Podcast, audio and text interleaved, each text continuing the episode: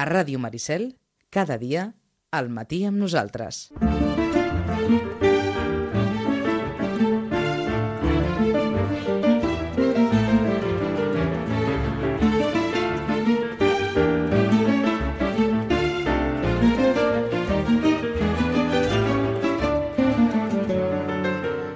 És hora de parlar de llibres i ho fem, com sempre, amb Llorenç Llibres i amb Rosana Lluc. Rosana, molt bon dia. Molt bon dia. Com estàs? Doncs, eh, va, ja ho pots pensar, els vols de Nadal, doncs, eh, estem preparant el Nadal i prens de llibres i tot això. Ja se'n suma això a les llibreries, eh? Aquesta setmana Sí. passada a Sitges també va haver la- l'encesa de, de llums, per tant, el Nadal ha començat, diguem, que en tot el que té a veure amb el tema comercial, venint també d'un cap de setmana de Black Friday, jo no sé si això es nota, eh? Per tant, a les llibreries també, d'alguna manera, la gent aprofita aquests moments. Eh, no sé si les llibreries fan Black Friday, No, fan no. descomptes? No. No, no, no. Vull dir, saps què passa? Que, clar, el descompte per mes és un 5% i no val massa la pena, doncs, saps? Vull dir, de, de fer cues. De fet, uh, cues a la llibreria ja saps que n'hi ha molt poques, eh? Mm. O sigui que no. Malauradament, Però és malauradament. veritat, eh, Sí, el que passa que sí que és veritat doncs, que la gent comença a pensar en els regals de Nadal i a demanar coses molt concretes i llavors fan l'encàrrec, això sí. Això és, és a dir, d'alguna manera sí que eh, notes que eh, els llibres i tot el que té a veure amb la literatura, d'alguna manera, sí que es, eh, es contempla com una possibilitat de regal per aquestes dates, eh? Això sí. Sí, sí, sí. És un regal eh, més econòmic, diguéssim, Clar. perquè se situa al voltant dels 20 euros i llavors doncs, la gent ho troba com a més econòmic, és una cosa que, que et dura, no?, i que, que és física a les mans, i que bé, mm, i fins i tot la pots dedicar, o sigui que és una cosa que sí, eh? Mhm. que es contempla. Eh? Doncs vinga, anem a fer unes quantes recomanacions, a veure si hi ha algú que, que està poc inspirat i, i li ajuden a, de cara a, aquests, eh, a aquestes èpoques en les que ens regalem coses i per tant doncs, sempre està bé doncs, que caigui un llibre de tant en tant. Exacte. Doncs mira, una de les propostes de- d'aquesta setmana seria, per exemple, eh, una novel·la, diguem-ne, de calle històric, diem de calle històric perquè l'Andreu Carranza ens acaba de, acaba de publicar La tomba de l'Ebre. L'Andreu Carranza, bé, és un, una persona de l'Ebre, eh, reivindica tot el que sigui l'Ebre, escriu, evidentment, a la veu de Flix, vull dir que està molt relacionat amb aquell entorn i, de fet, eh, és conegut perquè va fer, va guanyar és una persona amb una llarga trajectòria de, de les novel·les. Em sembla que va ser el, el 2015 que ja va guanyar un premi, el Premi Josep Pla, amb aquell de poeta del poble, que era sobre mossèn Cinto Verdaguer. Mm, Després va fer el Clau Gaudí, que era un misteri, eh, la impremta Babel, que també era, saps, relacionada amb el món del llibre i de la impremta, però també és una persona que ha fet incursió en la poesia i també en la música, eh? perquè pertany a un grup de música, em sembla que es diu Lo Gitano Blanc, de rumba, Mhm. eh? Uh -huh. i ens acaba de publicar aquest La tomba de l'Ebre, que ens porta a l'any 36, eh? eh, amb un jove seminarista, el Cinto, eh? que és captat per un capitós de, de la FAI. Eh? Uh, bé, um, en Rosena, aquest capellà arxiver, eh, que té tota la informació sobre el tresor del Papa Luna i la catedral de Tortosa. I el, formarà part, formarà part de l'escorta del tresor, juntament amb un guàrdia de sal, el caporal Martínez, Martínez Rabosa, em sembla que es diu, i que és membre de la UGT, i també d'una noia, una noia anarquista, implicada en l'educació de les dones i amb el paper de les dones en la, diguem-ne, en el món. Eh? I aquesta noia és la Clara. Eh?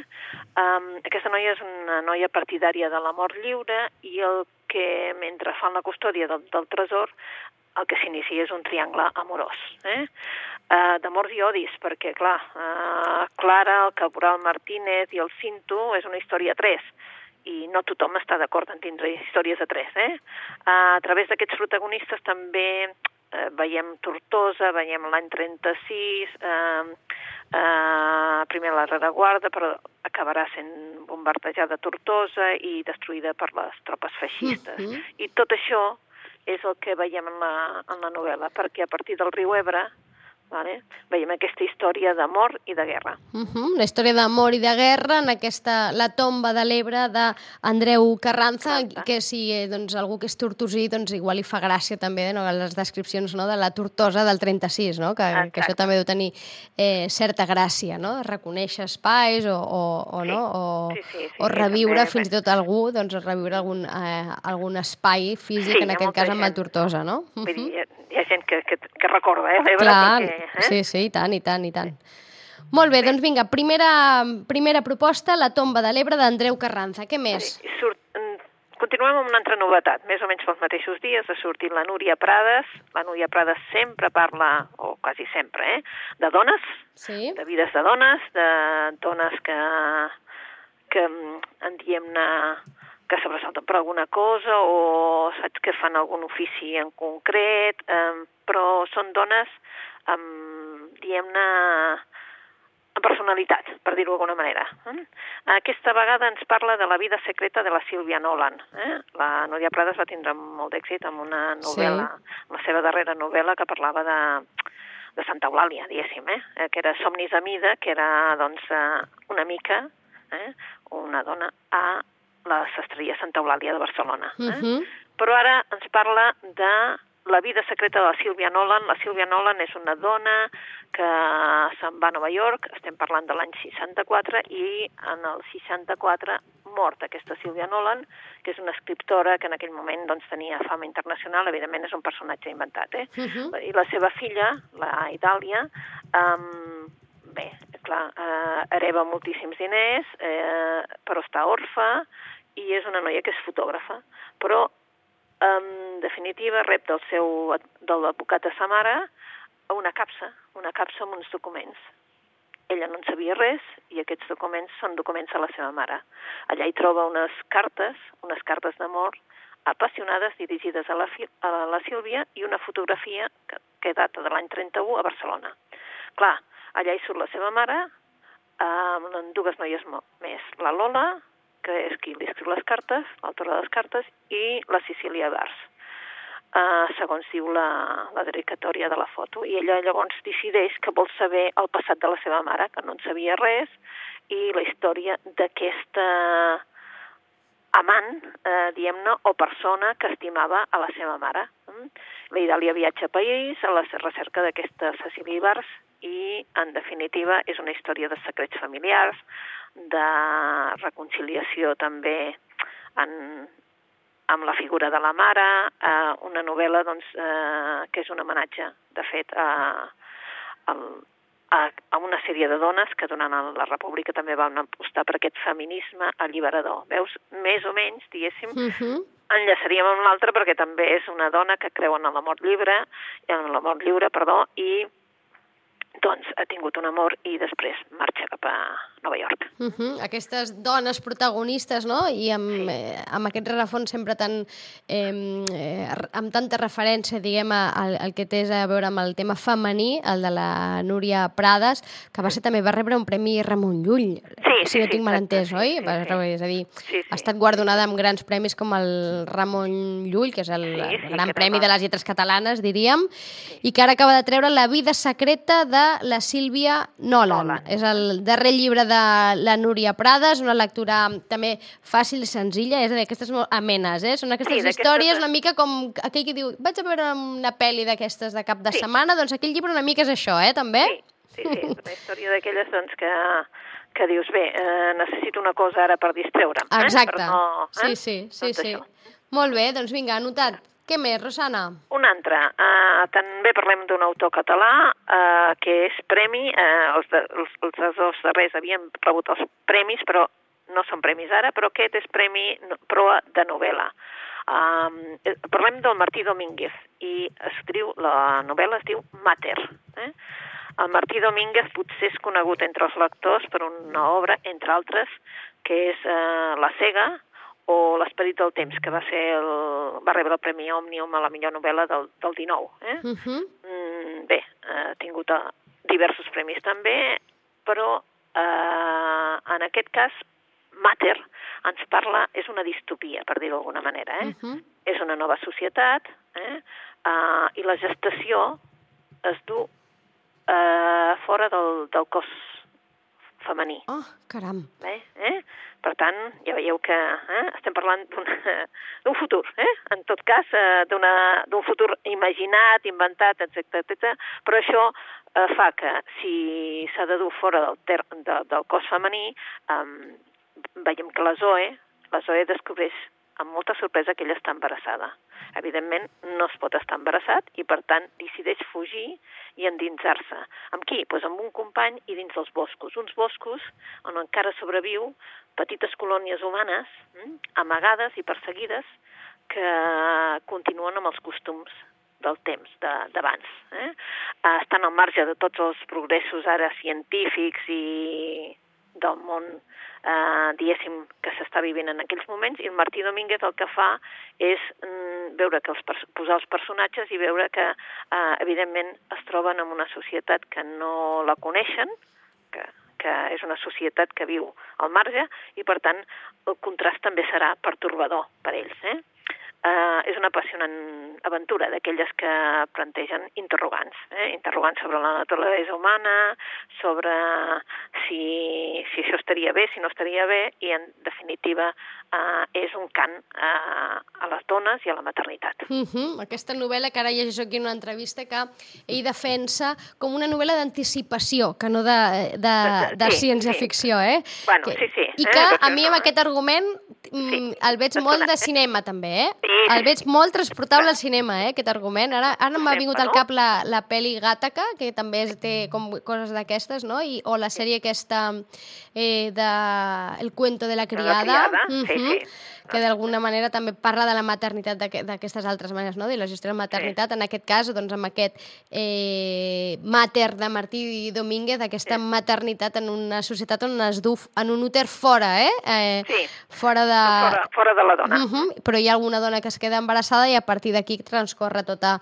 la darrera novel·la de Martí Domínguez, aquest Mater, que és una altra de les propostes de la Rosana de cara a aquesta setmana. Què més, Rosana? Doncs mira, eh, ara ens passem, abans d'entrar en temes més, més profuns com el de Francesc Cambó, us passem amb una novel·la um, de policiaca, una novel·la policiaca del Jean-Luc Banalec, eh, que celebra amb aquest llibre els 10, els 10 anys, o sigui, els 10 casos que ja s'han publicat eh, de, del comissari Dupin. Uh -huh. Eh? Les novel·les de Jean-Luc Banalec estan totes centrades a la Bretanya. Eh? I, eh, evidentment, doncs, hi ha un comissari, que és el comissari Dupin, que ara, precisament, els seus companys estan, mm, estan diguéssim, doncs, eh, preparant una festa per celebrar els 10 anys que ell està en la comissaria. Vale? I bé, abans de, de celebrar aquesta festa resulta que, bé, estem a la Bretanya, estem al mes d'agost, fa molta calor i apareix, apareix un, un, una persona morta, subjecta amb una boia prop de Concarnó. Eh? I es tracta de Patrice, eh, Patrick Provost. Eh? Qui és el Patrick Provost? Pues realment és l'amo. Eh? L'amo perquè és que és un empresari de Belle-Île, que és el propietari de terres, i de fet eh, té terres, ovelles, té absolutament de tot, però és que a més a més eh, resulta que el Provost té quasi totes les cases del poble. Llavors, eh, de, la, de les cases d'Islong és el lloc, eh? és una, un petit poble als fres de la illa, però que realment és que tot pertanyia a ell. Què té aquest senyor? Pues té una ex-dona, la Provost, que la que portava 20 anys separat però no divorciat, i l'alcaldessa, l'alcaldessa del poble, que té un projecte d'energia verda, etc etc, i que són precisament les hereves d'aquesta herència. Uh, hi ha un segrest en aquell moment i apareix un altre cadàver. Per tant, el comissari Dupin haurà de solucionar tot això i vol córrer, córrer, córrer, perquè és que, clar, s'ha de celebrar la festa també. Bé, doncs, Dos muertes en Belle-Île és una altra d'aquelles novel·les que t'asseus i llegeixes tranquil·lament aquests dies ara que fa... mm, Bé, que, Que si comença plou, la si no fresqueta, plou, eh? Exacte, i comença la fresqueta. Sí, sí, que ens ve de gust a casa, la manteta, el sofà o la cadira o el silló, allò que, que vulguin, si tenen llar de foc, llar de foc, o la calefacció eh, pujada, o si no manteta, que, està, que, va cara, que va cara al gas, però Jean-Luc Banalec, amb dos morts a Belle-Île, aquesta nova, diguem, novel·la del comissari Dupont, que és eh, aquest protagonista, diguem, de, d'en Jean-Luc Benalé, que ja, ja ens has comentat altres vegades. Cap on anem ara, Rosana? Cap on anem? Doncs pues bé, mm, donem un gir i després en tornarem a donar un altre, en tot cas, però aquest gir el volem donar perquè un dels llibres més venuts aquesta darrera setmana ha sigut el Francesc Cambó, L'últim retrat, Uh -huh. del Borja de Riquer. Uh -huh. Un llibre que, bé, el Borja de Riquer jo crec que se deien en una entrevista que porta 30 anys seguint les petges de Francesc Cambó i, per tant, eh, public, publica ara un llibre de... T'enganyo, però em sembla que té 8... A veure, 960 pàgines. ho has diu aquí. mirat, eh? Sí. 960 pàgines, és a dir... És a dir, diguem que no és un llibre gran me llibre, pim-pam, eh?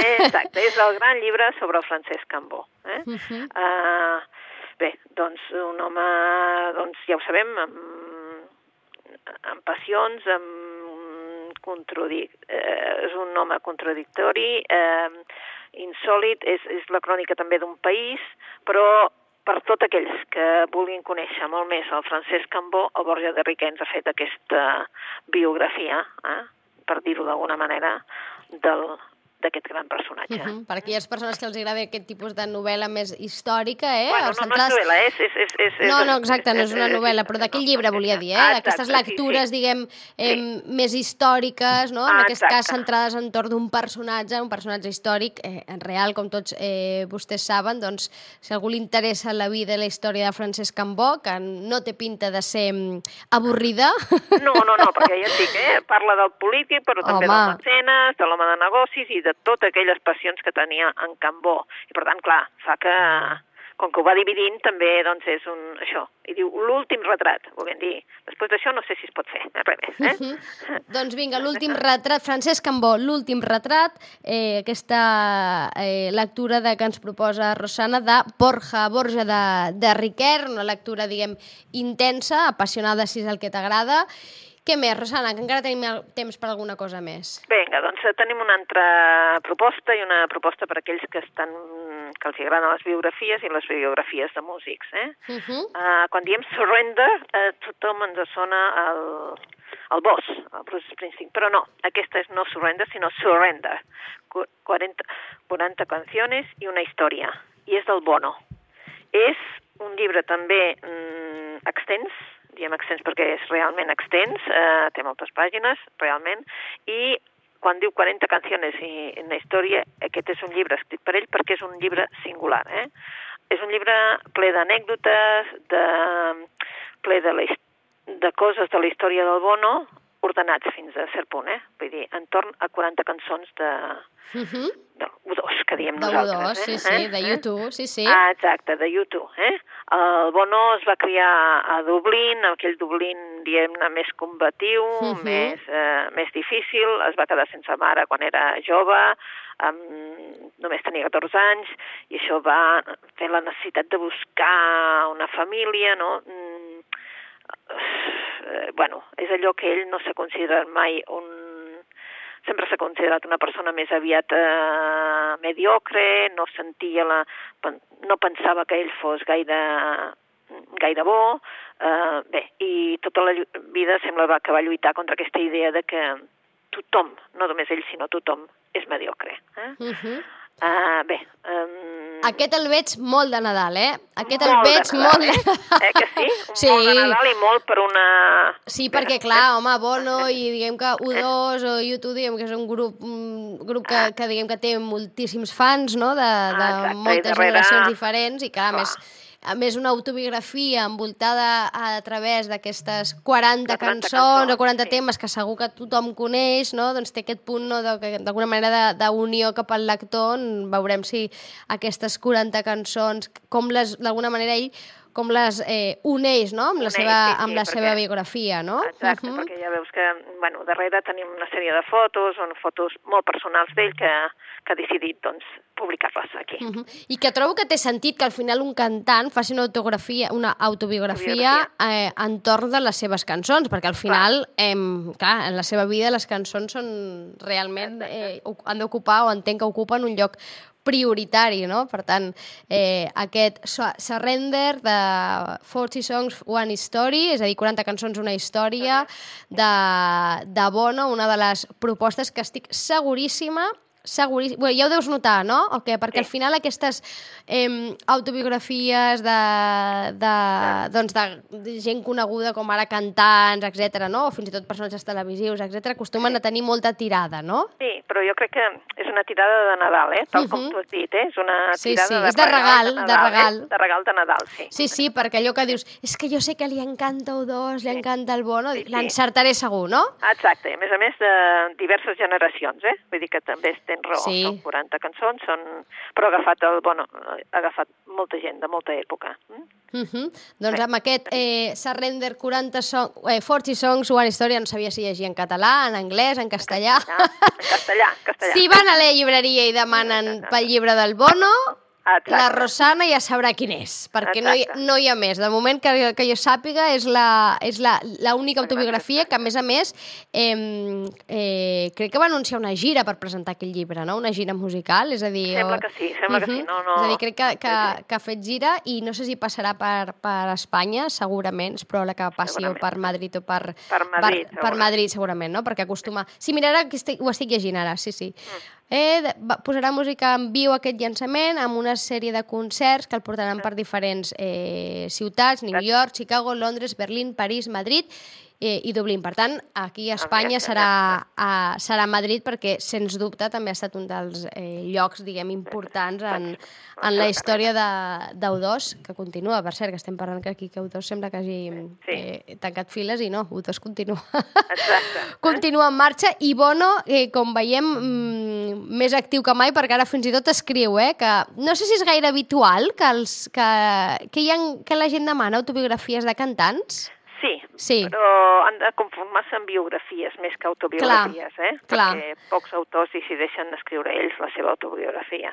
Clar, Tenen clar. com una mena de pudor o com una mena de- d'això i de dir, no, jo composo cançons, no, no faig autobiografia. Sí, i que són aquells productes que, que a tot el que és el fenomen fan entenc que funcionen molt bé, no? Perquè quan tu ets fan d'algun Sí. cantant, algun grup, t'agrada la seva música, però moltes vegades tens curiositat per saber també Sí. alguna cosa més d'aquella persona que, que t'agrada tant allò que fa, que és cantar, no? Sí, exacte. Eh? I llavors- Entenc que amb aquest llibre ho podran descobrir. Ah, exactament, sí. Eh? I és que ja ho sabeu que entre les biografies i auto... de cantants, biografies, eh? de cantants, normalment hi ha versió autoritzada o no autoritzada. és a dir, que l'autor la dona, el cantant la dona per bona o no, eh? I això també hi és, eh? Sí, Sobretot amb grups joves i tot això. Queda clar, queda. en aquest cas autoritzadíssima perquè és autobiografia Autobiografia. la, la de Bono. Rosana, moltíssimes gràcies. Gràcies a que vagi vosaltres. molt bé. No sé si ens trobem abans de Nadal, ens tornem a trobar abans de Nadal o ja no? Bueno, si no, suposo Sí? que Ah, sí, eh? Albert em diu que sí, és que no tinc Sí? aquí la gent del cap. Sí, sí, encara, queda, encara, encara Doncs tindrem oportunitat de parlar. Doncs vinga, doncs molt, molt bones lectures fins llavors. Gràcies, adeu-siau. Adéu, adéu. adéu.